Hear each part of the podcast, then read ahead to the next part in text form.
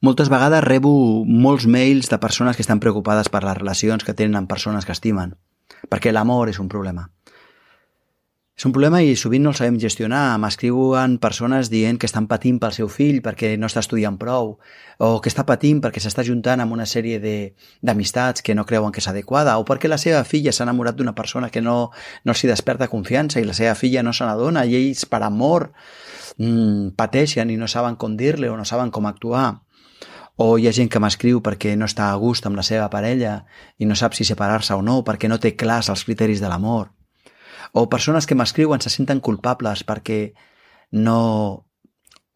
La seva mare, el seu pare, el seu germà, la seva germana no els hi cau bé. Totes aquestes persones m'estan explicant temes d'amor. En realitat, no saben quin és el veritable significat de l'amor. No saben que si estem patint no és amor. Així que si avui et sembla bé i et quedes aquí, nosaltres avui reflexionarem sobre el veritable significat de l'amor i entendrem que si patim no és amor. Benvingut, benvinguda al quadern del Xerpa.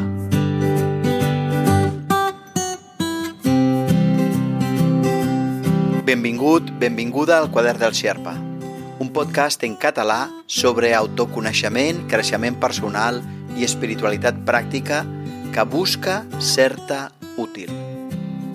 El meu nom és Daniel, Daniel Gavarró, i desitjo nutrir-te interiorment, abordant aquests temes amb senzillesa, però sense renunciar a la seva profunditat. Gràcies per ser aquí.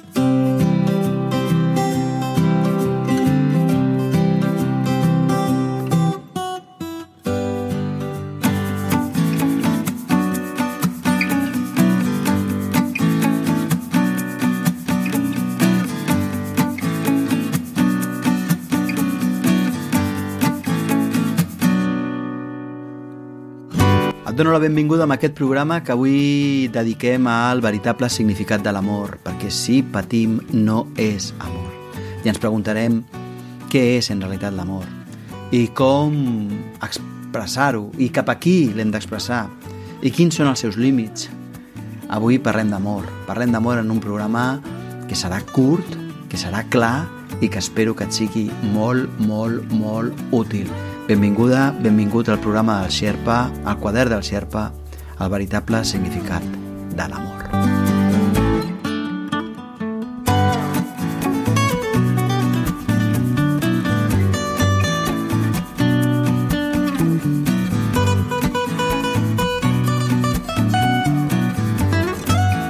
I començaré directament afirmant una cosa que contradiu els grans i les grans teòriques de l'amor.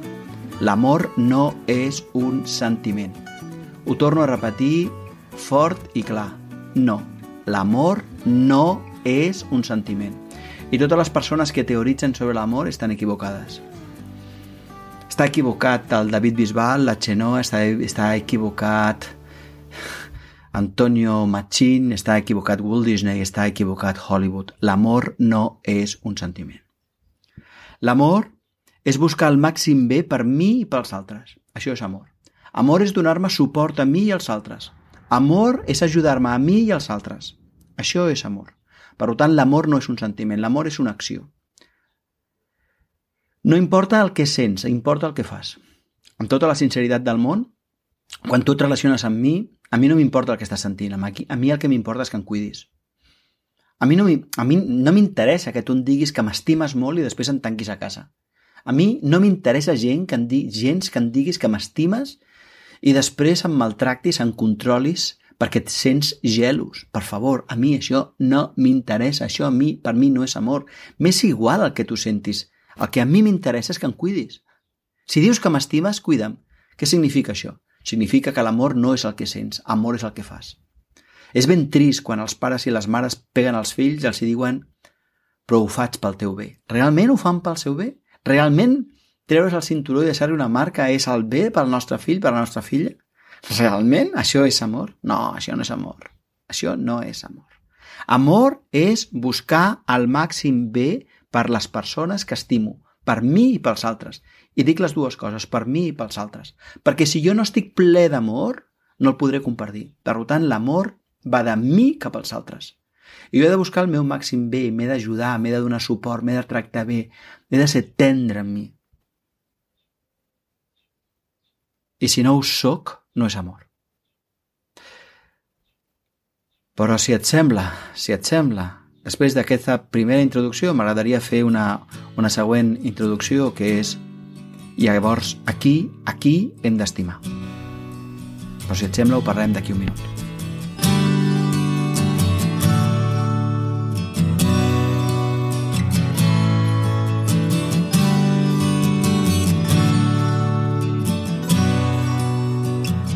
I si vols proposar algun tema per un futur episodi, fes-me arribar la teva proposta a través del correu electrònic que trobaràs a la meva pàgina web, a danielgavarro.cat, a la secció de contacte.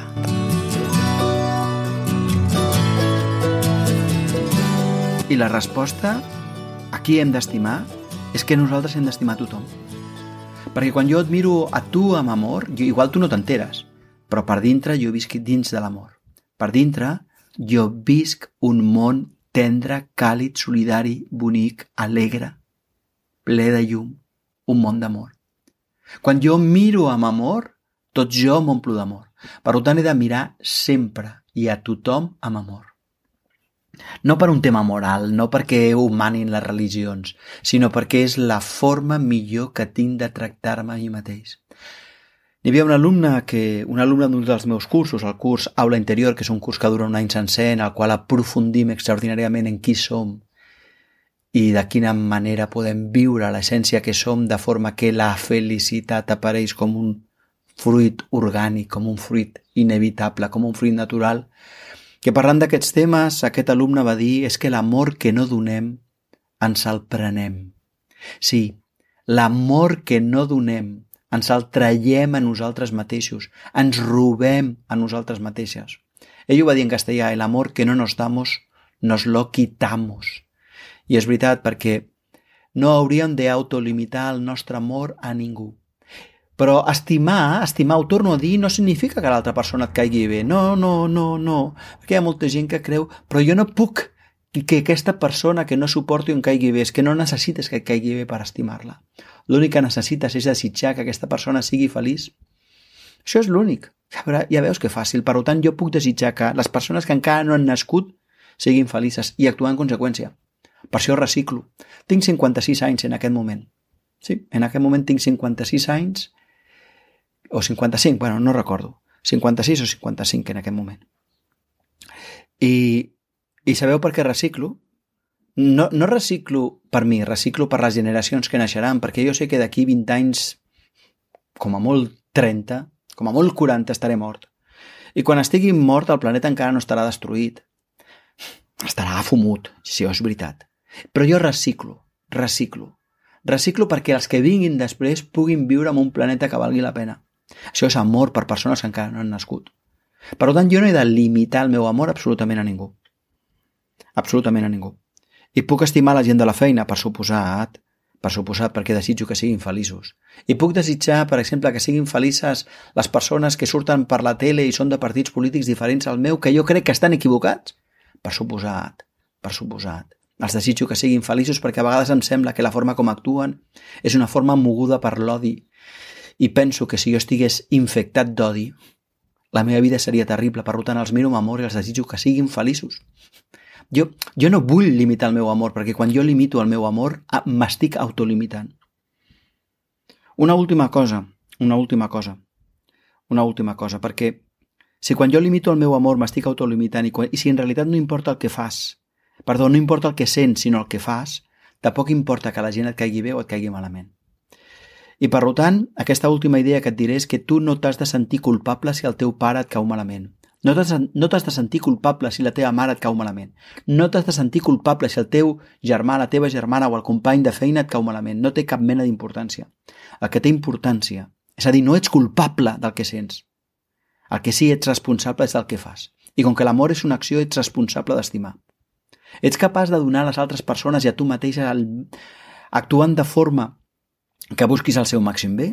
Si la resposta és que sí, estimes. Si la resposta és que no, no estimes. I el no estimar portarà patiment. Ho reitero, el no estimar portarà patiment. Però tu, i subratllo aquesta idea, no ets culpable si alguna persona no et cau bé. De fet, només cal que et caiguin bé dos tipus de persones, els amics i la parella.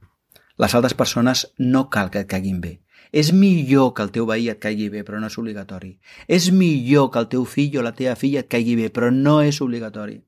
És millor que la teva mare i el teu pare et caiguin bé perquè això ho fa més fàcil, però no és obligatori. L'única persona que t'ha de caure bé ets tu, tu, tu, tu t'has de caure bé a tu i dues persones més, les, les amistats, els amics, les amigues i la parella.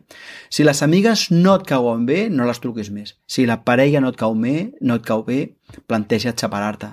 Per amor, per amor. Per amor a ella i per amor a tu.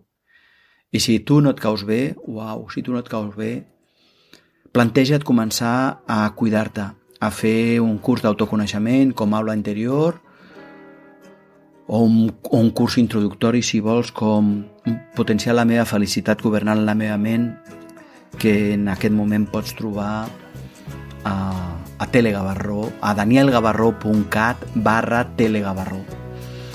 En fi, no em vull allargar. No em vull allargar. Però et reitero, no ets culpable del que sents, ets responsable del que fas. Així que no importa com et caiguin les persones, el que importa és que busquis el seu màxim bé. I aquesta és la idea central.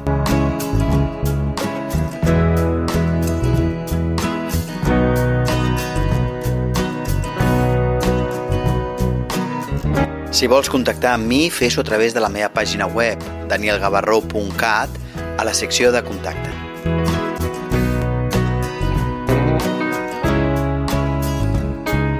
Però aquesta definició, aquesta definició d'amor és absolutament perillosa. Aquesta definició d'amor que estic mencionant és, és super perillosa. Perquè fins a quin punt tu saps el que necessiten els altres. D'acord, tu has de buscar el màxim bé pels altres, però què, saps realment el que els altres necessiten? Fixa't que la Inquisició es dedicava a cremar la gent perquè creia que si cremaven el seu cos, si cremaven el seu cos, netejaven els seus pecats, per tant els estaven ajudant. Ells deien, amb tota la raó del món des de la seva perspectiva, cremem a la gent perquè així purifiquem els seus pecats i aquestes persones que queden cremades poden anar al cel. És millor que pateixin ara uns minuts mentre els cremem en lloc de patir el foc de l'infern durant tota la eternitat. El que fem deia la Inquisició, cremant a la gent és un signe d'amor. Ja veus. Ja veus, per tant, que la definició que dic és ben perillosa, perquè jo puc pensar que el que tu necessites és que et cremi, o el que tu necessites és que et posi en un camp de concentració per cuidar a la resta del país i, si cal, amb una càmera de gas. La gent fa la gent fa coses terribles en nom de l'amor en nom dels valors fent coses terribles. Per tant, la meva definició, fes, busca el màxim bé de les persones, o la definició de Sant Agustín, estima i fes el que vulguis, són super perilloses, super perilloses. Així que eh, a mi m'agradaria dir-te que si vols estimar i saps que l'amor només és, és una acció, hauries de tenir molt clar que en realitat estimar significa fer set accions i que l'amor és aplicar set eines, les set eines de l'amor, i només set. Una eina de l'amor, per exemple, és actuar donant el màxim. Donant el màxim a la marge de que les altres persones s'impliquen o no.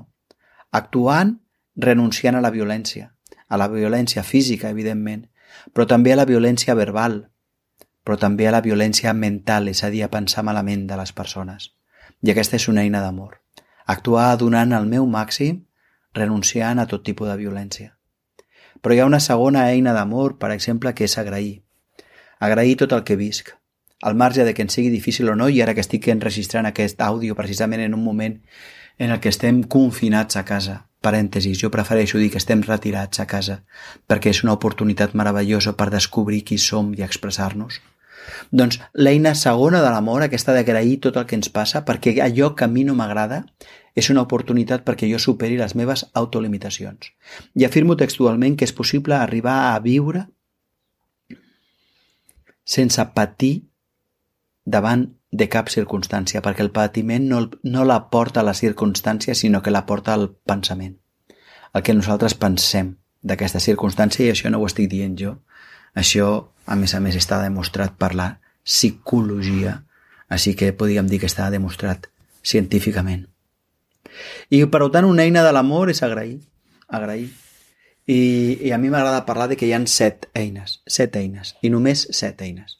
I que, per favor, quan ens relacionem amb els altres i amb mi, utilitzi exclusivament aquestes set eines. L'eina de l'actuar, de l'adaptar-me, de l'agrair, de l'assumir, del respectar, del valorar i de l'acceptar. Només aquestes set eines. En un cert moment vaig escriure un llibre en el qual explicava cada una d'aquestes set eines amb un capitolet. Cada eina un petit capítol de 8-12 pàgines perquè hem de veure la profunditat de totes aquestes eines per poder-les aplicar. Si et sembla, faig referència a aquest llibre i com el pots aconseguir en PDF gratis o en audiollibre gratis o com el pots comprar en una llibreria perquè jo crec que et serà molt útil, però si vols ens veiem d'aquí un moment i t'ho explico. No et perdis cap episodi. Subscriu-te al meu podcast a danielgavarró.cat i rebràs un avís automàticament cada vegada que pugi un nou àudio.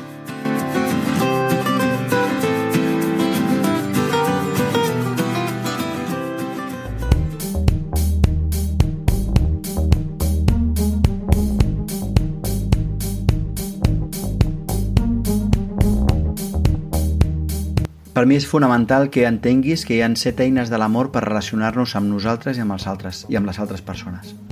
I que entenguis que aquestes set eines que abans les he mencionat, l'acceptació, la valoració, el respecte, l'assumir, l'agrair, l'adaptar-se i l'actuar, són set eines concretes, útils, pràctiques, absolutament aplicables. I perquè les puguis aprofundir amb elles, jo t'aconsello que llegeixis el llibre o escoltis el llibre que vaig escriure amb la Nieves Machín, una dona molt sàvia de Madrid, que es titula precisament així Les set eines de l'amor. El trobaràs tant en català i en castellà, tant en llibre com en audiollibre. Mira, el pots baixar gratuïtament des de la meva pàgina web. Vas a danielgavarró.cat i entraràs en Daniel Gavarró en català i vas a autoconeixement. I allà veuràs que hi ha una sèrie de llibres i molts d'ells es poden baixar gratuïtament. Aquest, si no m'equivoco, es pot baixar gratuïtament. Crec, crec, crec.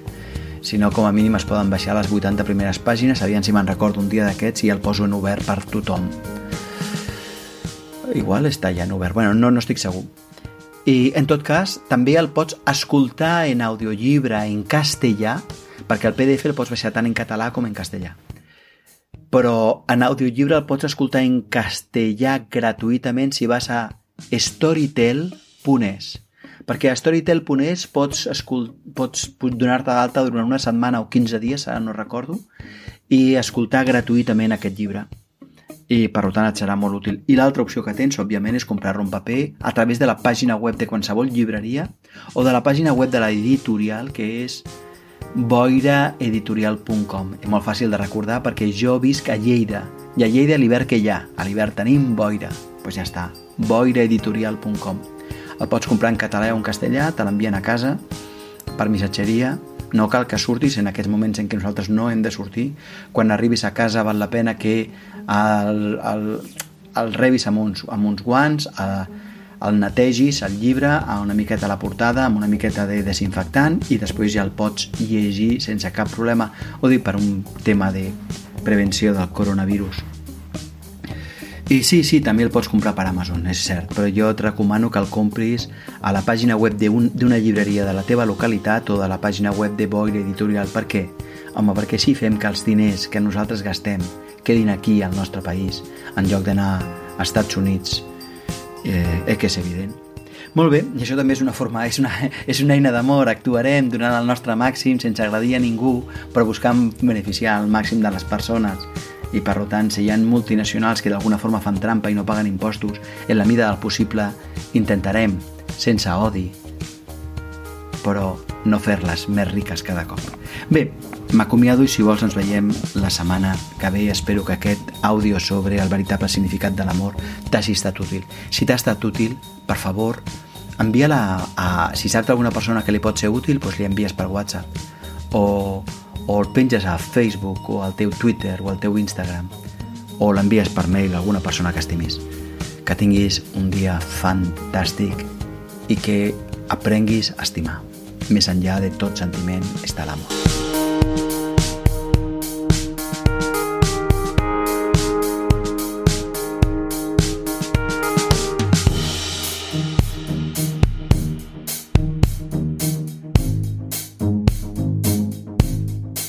Tant de bo aquest capítol t'hagi estat útil.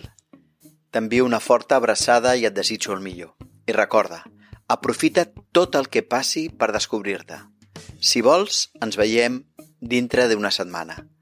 Ah, i saps que pots seguir-me a danielgavarró.cat i també a facebook.com barra gavarrodaniel i a YouTube youtube.com barra Daniel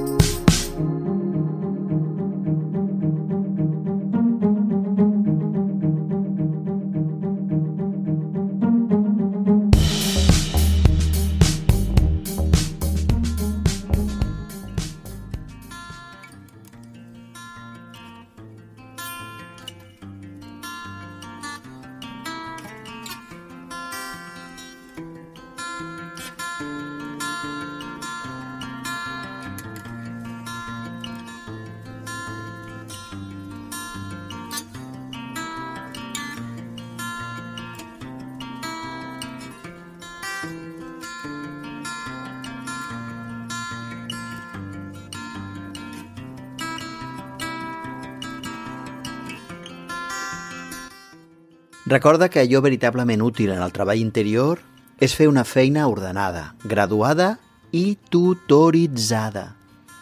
Ho sé per experiència. Per això t'animo a que facis una ullada als espais formatius que imparteixo, que els trobaràs a la meva pàgina web, danielgavarró.cat. Però t'animo especialment a que miris el curs aulainterior.cat i el curs en castellà Universitat de Vida online. Crec que et seran molt inspiradors.